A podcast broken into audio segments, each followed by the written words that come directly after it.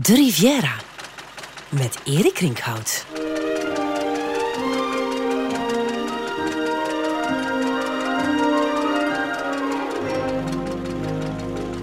William Somerset Maugham, bekende Britse auteur, heeft van 1927 tot 1965 in een van de chicste villa's aan de Côte d'Azur gewoond. De Villa Moresque. En daar is een hele geschiedenis aan verbonden, want die villa die is uh, gebouwd in 1900, iets na 1900, voor niemand minder dan Leopold II. Onze koning. Het uh, was niet de enige villa die hij daar heeft laten bouwen. Uh, uiteraard met de opbrengsten uit de Congo, zijn wingewest op dat moment. wat Somerset Maugham dan zegt, dat de Riviera, de Côte d'Azur, a sunny place for shady people is, ja, dat is natuurlijk ook van toepassing op Leopold II. Hè.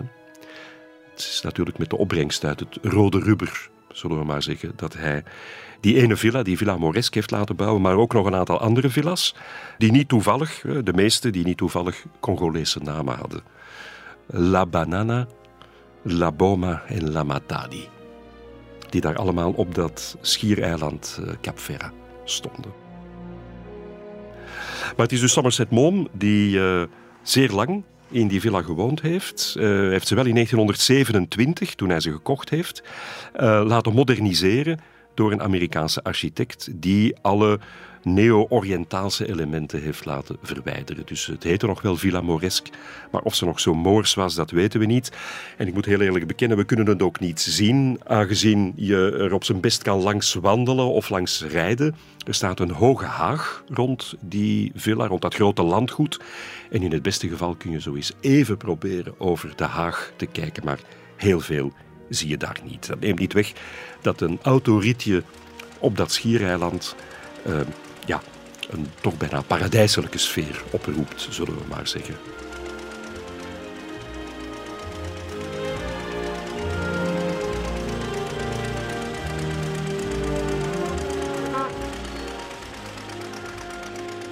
Maar over uh, die shady people gesproken. Het is duidelijk dat de Riviera uh, niet alleen rijk volk aantrok, maar uiteraard ook mensen die het gemunt hadden op het bezit van dat rijke volk. En uh, zo is er dat uh, prachtige verhaal van uh, Dante Spada. Een, een, naam die u waarschijnlijk niet veel zal zeggen. Maar als ik erbij vertel dat hij de inspiratiebron was voor een van de bekendste misdaadfilms die gedraaid is aan de Riviera, To Catch a Thief van Alfred Hitchcock, dan zal er wel een belletje gaan rinkelen natuurlijk. Wie was die Dante Spada? Het was niet zijn echte naam. Hij heette Dario Sambuco. En hij gebruikte dus een schuilnaam bij het uitvoeren van zijn snode plannen. Hij was dus een dief, een, een man die in 1947 aan zijn criminele carrière begint in Milaan. En in 1948 verplaatst hij zijn werkgebied naar Zuid-Frankrijk. Na een paar onhandige overvallen in Cannes wordt hij opgepakt door de politie, veroordeeld tot twee jaar gevangenisstraf in Marseille, maar wordt daar al na acht maanden vrijgelaten voor goed gedrag. Hij maakt een omweg naar Zwitserland, waar hij aan de haal gaat met een aanzienlijke buit. En dat is genoeg om, als hij terug in Frankrijk is, uh, een valse identiteitskaart aan te schaffen. Hij koopt daar ook nog eens een motorfiets bij, een nylon tent, outdoor uitrusting. En hij weet op die manier, doordat hij op de campings gaat leven buiten de grote steden aan de Riviera, slaagt hij erin om buiten de aandacht van de politie te blijven.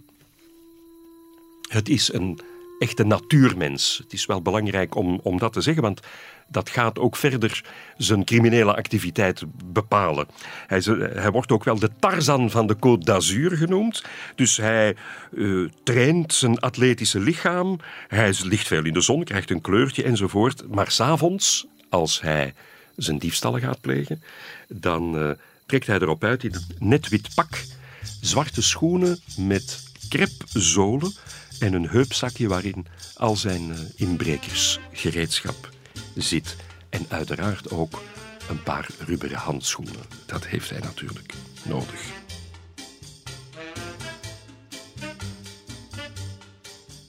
Zoals steeds is er ook een uh, liefdesverhaal in het spel. Hij leert een vrouw kennen in uh, Villeneuve-Loubet, een plaatsje tussen Cannes en Nice.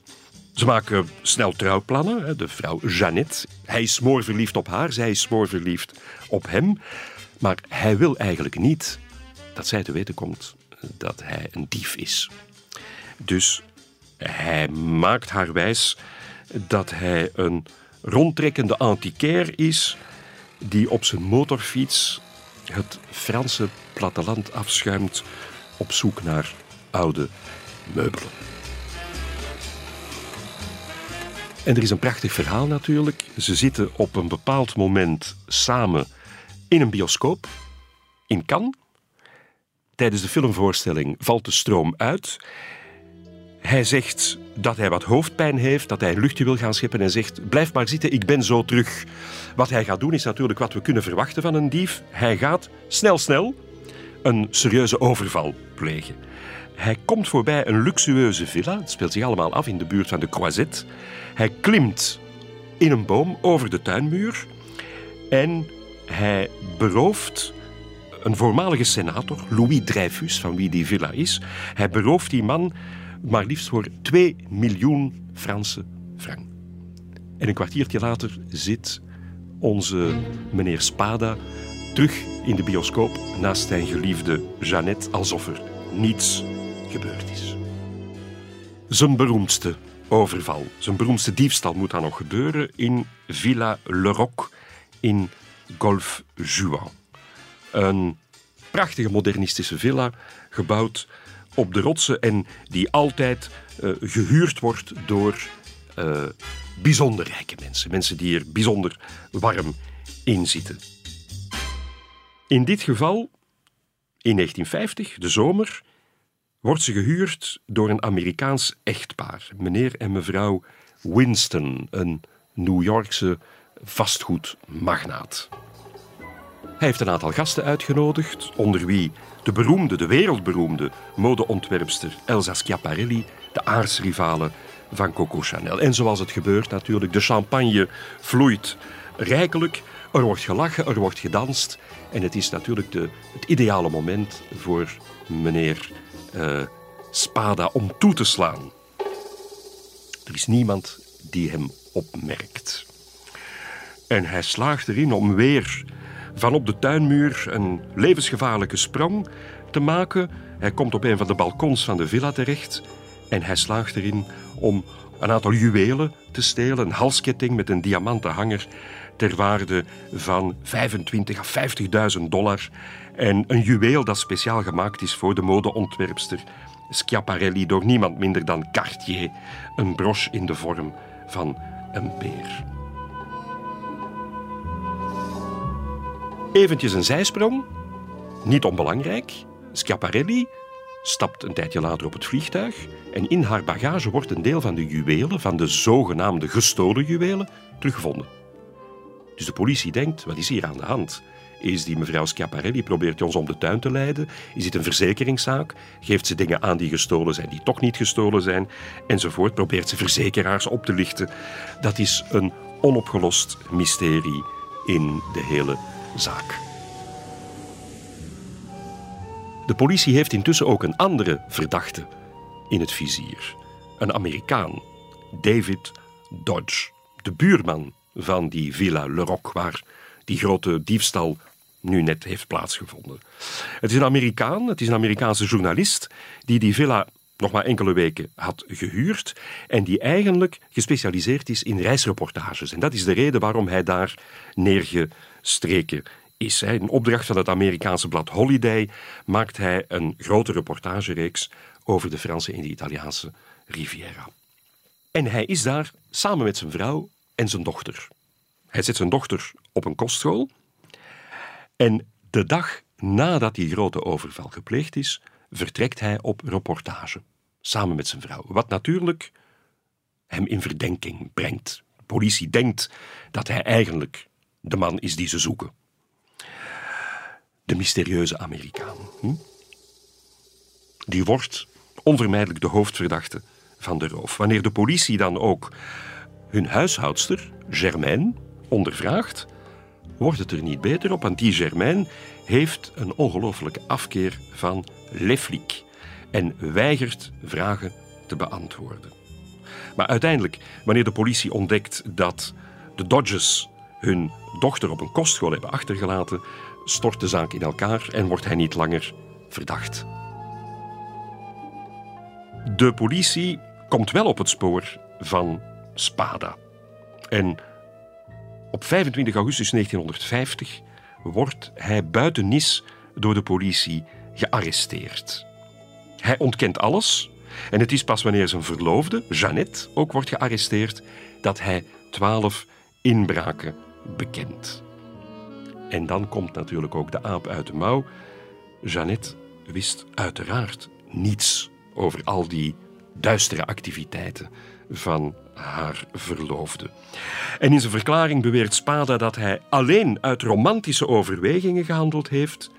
Ik wilde de grens van 100 miljoen frank bereiken, me dan vestigen als een eerlijk man en trouwen met het meisje dat ik lief heb. Maar de romance was niet bestemd om te blijven duren. Uh, na aanvankelijk beloofd te hebben bij hem te blijven, en gemeld te hebben dat ze zwanger is, verdwijnt Jeannette helemaal uit het verhaal van Dante Spada. Hoe raken we nu stilletjes aan bij Alfred Hitchcock, zult u denken.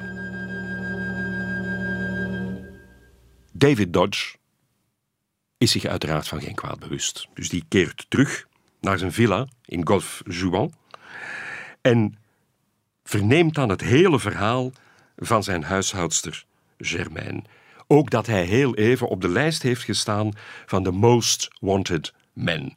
Dus hij vindt dat natuurlijk hoogst vermakelijk. Het zet hem aan het denken en er ontstaat een verhaal in zijn hoofd, een plot voor een fantastische misdaadroman. A stroke of luck that fell to earth on the Côte d'Azur, schreef hij nadien. Het waren de gemakkelijkste 80.000 woorden die hij ooit op papier heeft gezet en het boek dat hij geschreven heeft kreeg de titel To Catch a Thief. En het werd een van de bekendste misdaadromans van de 20e eeuw, tegen zijn verwachtingen in. Maar dat brengt ons natuurlijk bij Alfred Hitchcock, die To Catch a Thief verfilmd heeft. Alle elementen zaten erin om er een fantastische Hitchcock-film van te maken. Een onschuldige man die vals beschuldigd wordt van misdaden die hij niet begaan heeft, een koele blondine met mysterieuze motieven, een decor vol glamour en romantiek en een spannende plot met een race tegen de klok. In dit geval een ex dief die een copycat moet vangen die een reeks gedurfde overvallen pleegt aan de Franse Riviera om zijn eigen onschuld te bewijzen en zijn naam te zuiveren. Het hoofdpersonage heet niet Dante Spada, maar John Roby. En dan komen we natuurlijk bij die prachtige film waar John Roby vertolkt wordt door Cary Grant en waar de coole blondine gespeeld wordt door Grace Kelly. Cary Grant and this year's Academy Award winner Grace Kelly. Two exciting personalities who were made for each other. And now Alfred Hitchcock brings them into very close contact in this perfect tale of romantic intrigue, filmed on the beautiful French Riviera. You have a very strong grip kind of burglar needs. De Hitchcock-film zal uitkomen in 1955. Maar daarvoor, in 1953, wordt Dante Spada in Nice veroordeeld. Tijdens een groot gemediatiseerd proces en hij wordt veroordeeld tot acht jaar gevangenis. Er gebeurt met hem nog van alles. Hij komt in de gevangenis, hij ontsnapt enzovoort. Maar wat het belangrijkste is, hij komt te weten dat er eigenlijk op basis van wat hij allemaal gedaan heeft, een boek geschreven is. Een boek dat hij eigenlijk compleet geïnspireerd is op zijn manier van werken. En het verhaal vertoont volgens hem veel te veel gelijkenissen met zijn eigen levensverhaal en hij vindt het plagiaat. Maar zijn advocaten moeten hem wel uitleggen dat een dief geen auteursrecht heeft op zijn methodes van diefstal. En het wordt nog pijnlijker, want hij verneemt dan ook in de gevangenis dat een zekere meneer Hitchcock in Nice gestart is met de verfilming van To Catch a Thief. De opname van To Catch a Thief met in de twee hoofdrollen de twee meest glamoureuze sterren van Hollywood. Grace Kelly en Cary Grant als de acrobatische inbreker John Roby. Look, John. Hold them. Diamonds. Have you ever had a better offer in your whole life? One with everything. Het zou de laatste film zijn waar Grace Kelly in speelt. Ze heeft een hele korte, intense carrière gehad. En op het moment dat de film gepresenteerd wordt op het filmfestival van Cannes, zal zij haar toekomstige echtgenoot daar tegenkomen, namelijk prins Régnier van Monaco. Ze zullen trouwen en zij zal later een tweede carrière beginnen als ja, de beroemde Princess Grace van Monaco. En ze zal uiteraard de rest van haar leven wijden aan vooral goede doelen.